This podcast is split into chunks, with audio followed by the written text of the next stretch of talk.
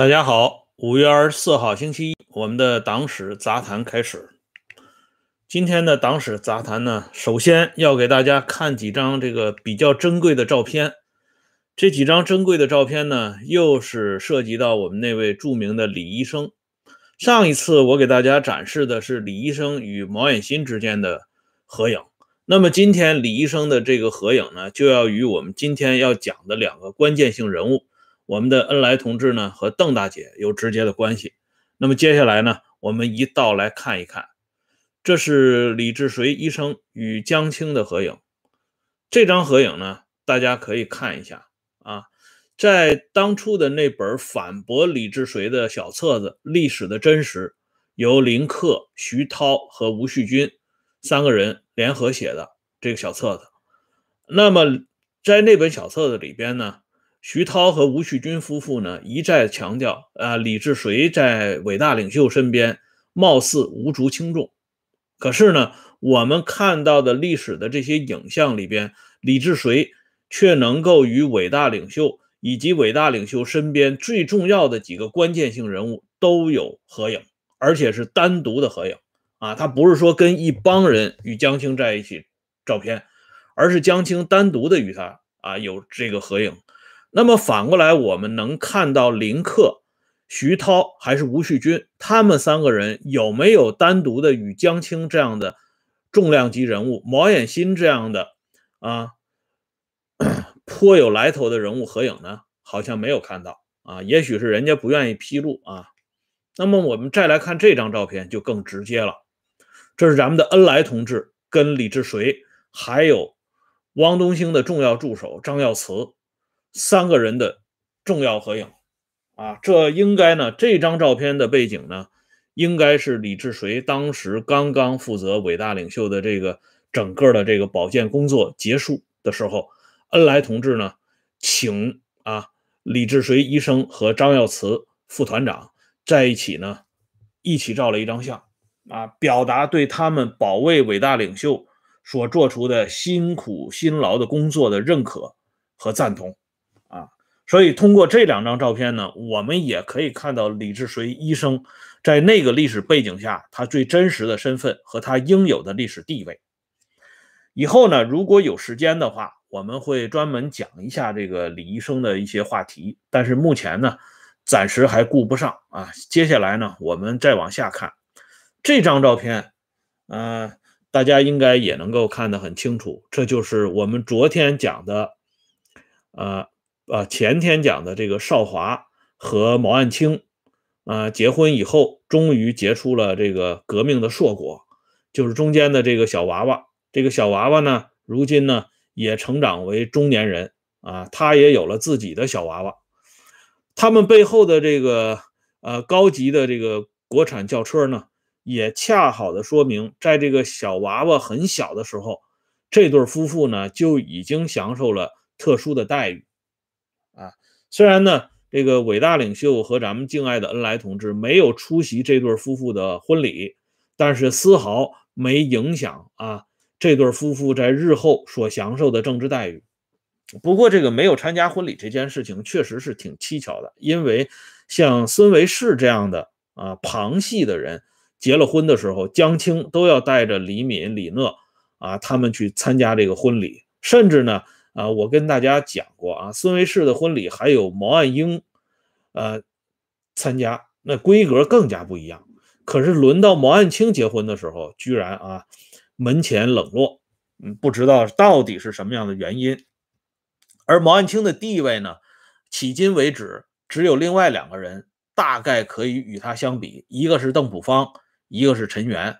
哎，所以从这个。呃，他们享受的这种副国级待遇当中呢，我们也可以看到毛岸青当年是一个什么样的状态。那么今天啊，我们要给大家讲的还是围绕着张春桥的老婆李文静，她的这个身份啊，她的历史的包袱啊，这个话题。因为昨天我们讲的很清楚啊，这个李文静和张春桥结婚之后呢，特别是在文化大革命初期，李文静在上海滩。是颇有些权势的，但是随着革命的不断深入，特别是随着这个张春桥的地位的不断上涨，李文静这个地位呢就显得尴尬了，他的身份呢就成为啊别人攻击张春桥的口实了。所以在这件事情上啊，张春桥是比较苦恼的。正在张春桥非常苦恼的时候，我们的邓大姐呢出现了。大家看一下这张照片啊，这张照片很难得的啊。从这张照片当中，我们也可以看到当年邓大姐的风采和地位啊，与伟大领袖并驾齐驱。咱们的朱德总司令啊，和这个恩来同志都要走在后边啊，包括这个冯玉祥的老伴儿李德全也要在邓大姐之后，昂然啊挺胸。走在最前面的就是咱们的伟大领袖和咱们的邓大姐，啊，所以这样一个历史人物是千万不能小觑的。每当这些高级领导人、高级领导干部他们搞不定家庭、婚姻、生活的时候，邓大姐就一马当先冲了出来。这一次呢，邓大姐可以说是略施小计呀，一下子就解决了张春桥的后顾之忧啊。这个事情呢，是徐景贤回忆的。徐景贤讲啊，这个当初啊，呃，就是在一九七三年九月份的时候，周恩来陪同法国总统在上海访问，邓大姐呢也来到了上海。这一次啊，邓大姐等于说是第一次让徐景贤他们这些人见到了啊最难忘的这个风采。所以徐景贤的回忆录里边呢，有很长一段呃篇幅，就是专门介绍咱们这个邓大姐的啊。邓颖超不仅啊关心年轻的干部，还非常关心这些啊干部们的家属。他走访了上海市委原来的老干部王绍庸的家属啊，同时呢也看望了徐景贤的这个家属啊。王绍庸呢是老资格的，这个徐景贤呢是新上来的，所以这个邓大姐呢是新老兼顾。啊，一个也不漏。可是呢，这个时候就出现了一个让人那个感到非常神奇的事情，因为这个王绍庸家呀，这个隔壁呢就是张春桥家。张春桥人在北京不假，但是张春桥的妻子李文静还在家里啊，他老婆李文静还在家。邓大姐是一个做事历来滴水不漏的人啊。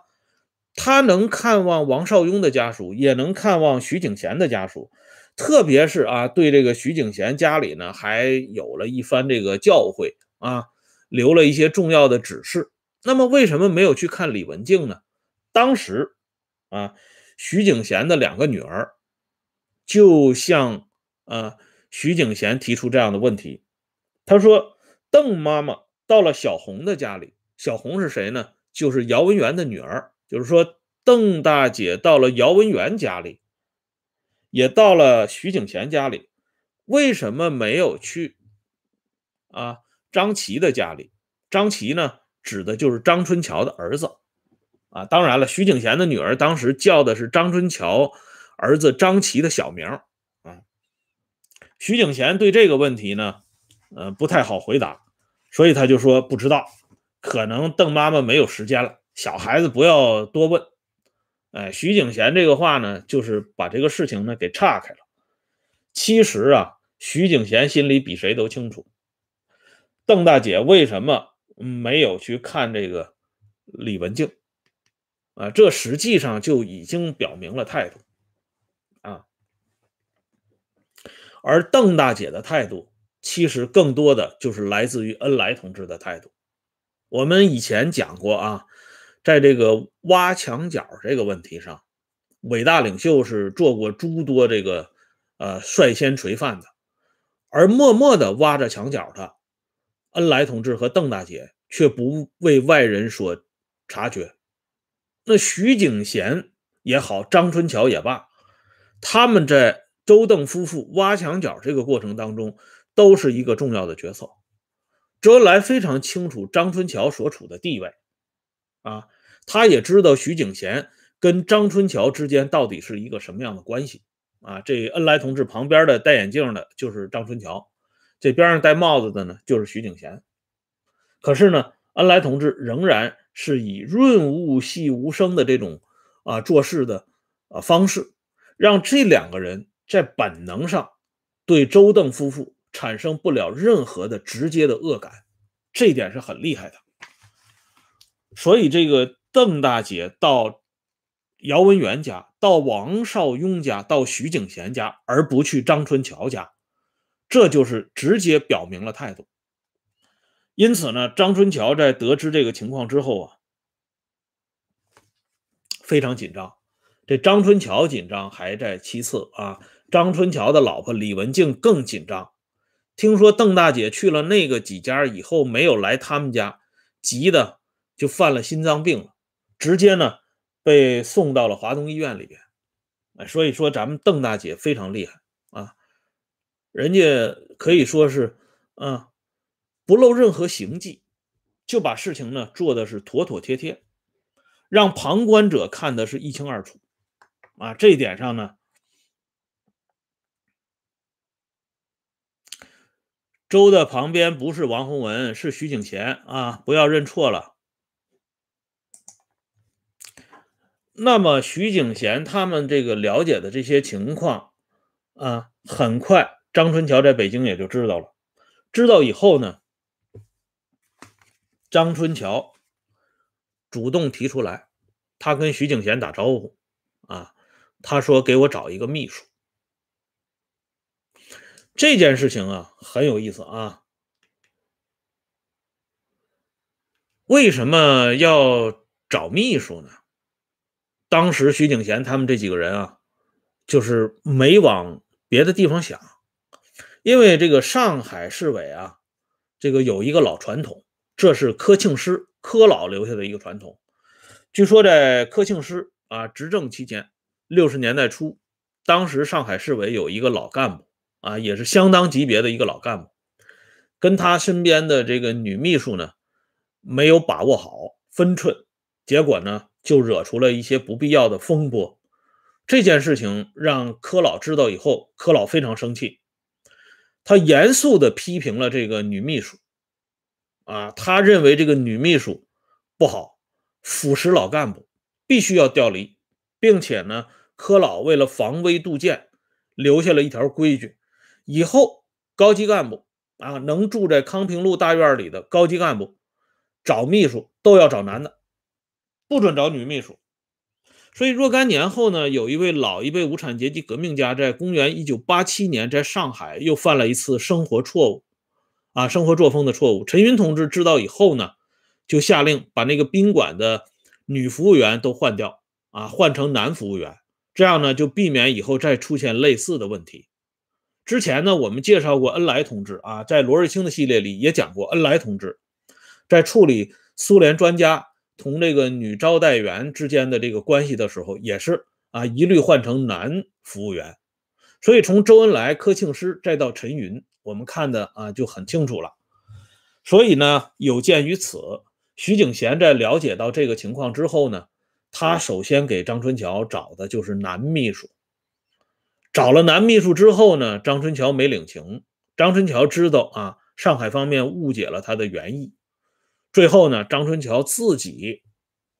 直接把这个话说出来了，啊，说的是什么呢？就是我想找一个伴儿。这个话一说出口，徐景贤他们马上就明白了，啊，因为张春桥动了重新组建家庭的念头了，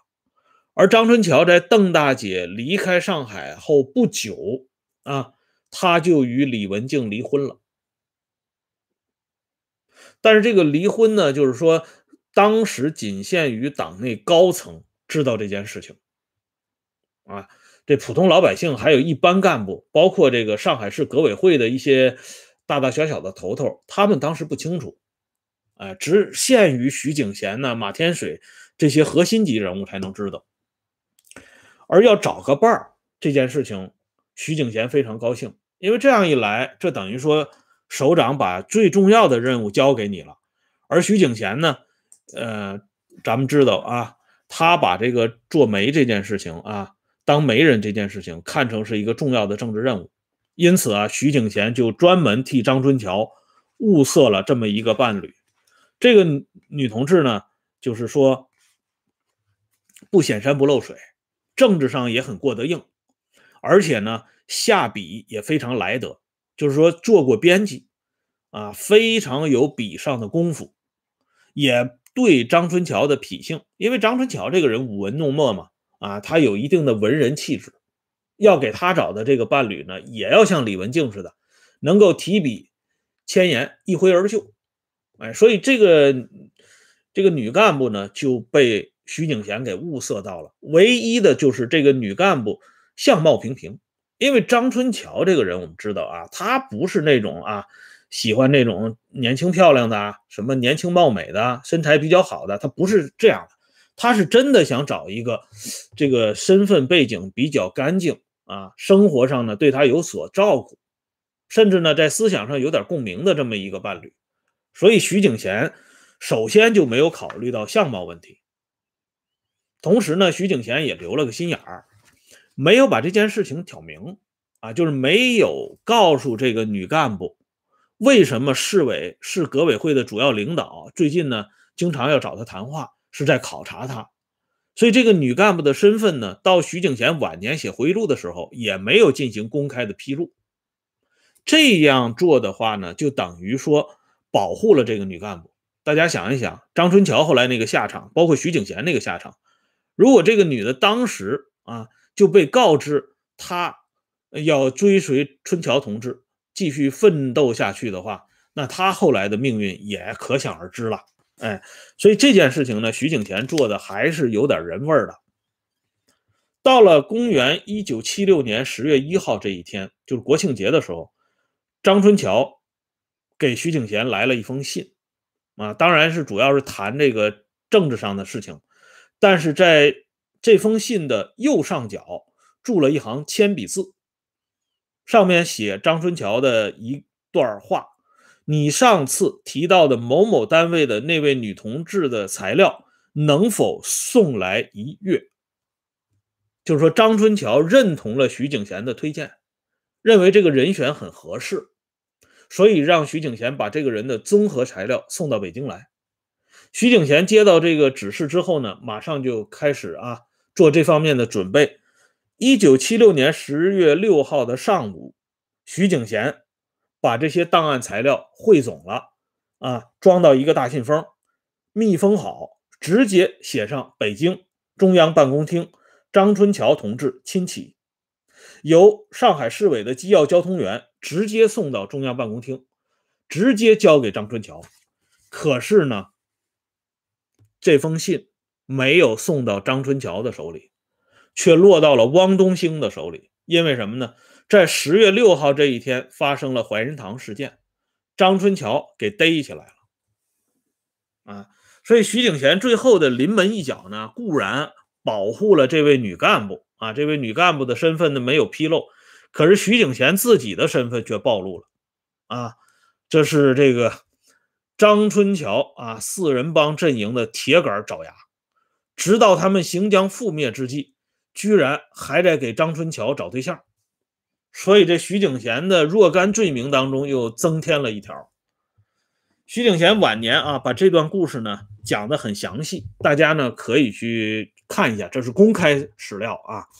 这一点呢，应该讲徐景贤他是亲历者，所以他的回忆呢，要比叶永烈先生生前写的张春桥的那个《浮沉录》里边做的那个介绍呢，要靠谱的多。那么这样看下来呢，咱们的恩来同志。包括咱们的邓大姐，确实是厉害啊！大家看一下这张非常珍贵的照片啊，如果不是这个这几个特殊的历史人物的面孔大家非常熟悉的话，可能有些年轻的朋友还误以为咱们的恩来同志手中拿的是平板呢啊！你看看伟大领袖看的是那样的聚精会神，少奇同志呢也是忘乎所以啊，只有咱们的小平同志啊。看来啊，就是这个身高呃，这个影响了他这个距离，所以呢，他只能啊远远的望一下，哎，所以看着恩来同志向伟大领袖和少奇同志介绍这个情况的这张照片，我们也可以看到，后来林彪为什么对周恩来、邓颖超夫妇有一个非常精准的评价，而这个评价呢，即使到了今天啊，林彪也已经被批臭的情况下，仍然有效啊。这对夫妇啊，一般人根本就赶不上啊，所以当年呢。林彪对这对夫妇是做过一个精准的评价的啊。林彪说过这样的话：林彪说，恩来同志和邓大姐做事严丝合缝。林彪这个人说话呀，向来就是言简意赅啊，多余的话一个字都不愿意说。但是这一次，林彪在评价周恩来、邓颖超的时候，说了两句话。第一句呢是。恩来同志和邓大姐做事严丝合缝。第二句呢，林彪说“严丝合缝”这个词是我在东北的时候跟当地人学的。啊，林彪说了两句话。要说咱们这个林彪啊，评价党内这些高层人物，那也是非常吝惜词句的。但是在恩来同志和邓大姐身上，啊，林彪呢不仅说了原话。还自己加了注解，啊，由此也可以看到这对夫妇当年是一个什么样的概念，啊，这也就是为什么咱们伟大领袖啊对这对夫妇千防万防、千算万算。好了，今天呢，咱们这个话题呢就先说到这里，因为林彪死的比较早。他没有看到咱们邓大姐后边演的一出戏，邓大姐临终前还有一场好戏，这场戏演完之后，邓大姐才永远的告别了党和人民。那么这场戏是怎么出来的呢？咱们留待明天接着说。感谢朋友们上来收看和收听，欢迎大家关注“温相说时政”会员频道，周一到周五每天都有更新。那么这里呢，我简单说一下啊，如果呢，呃，每天呢有两次直播的话，我们这个会员时政节目呢会往后推一下啊，因为两次直播呢对我这个嗓子已经就是一个啊考验了啊，这一点呢希望大家理解。好了，今天呢咱们说到这里啊，再见。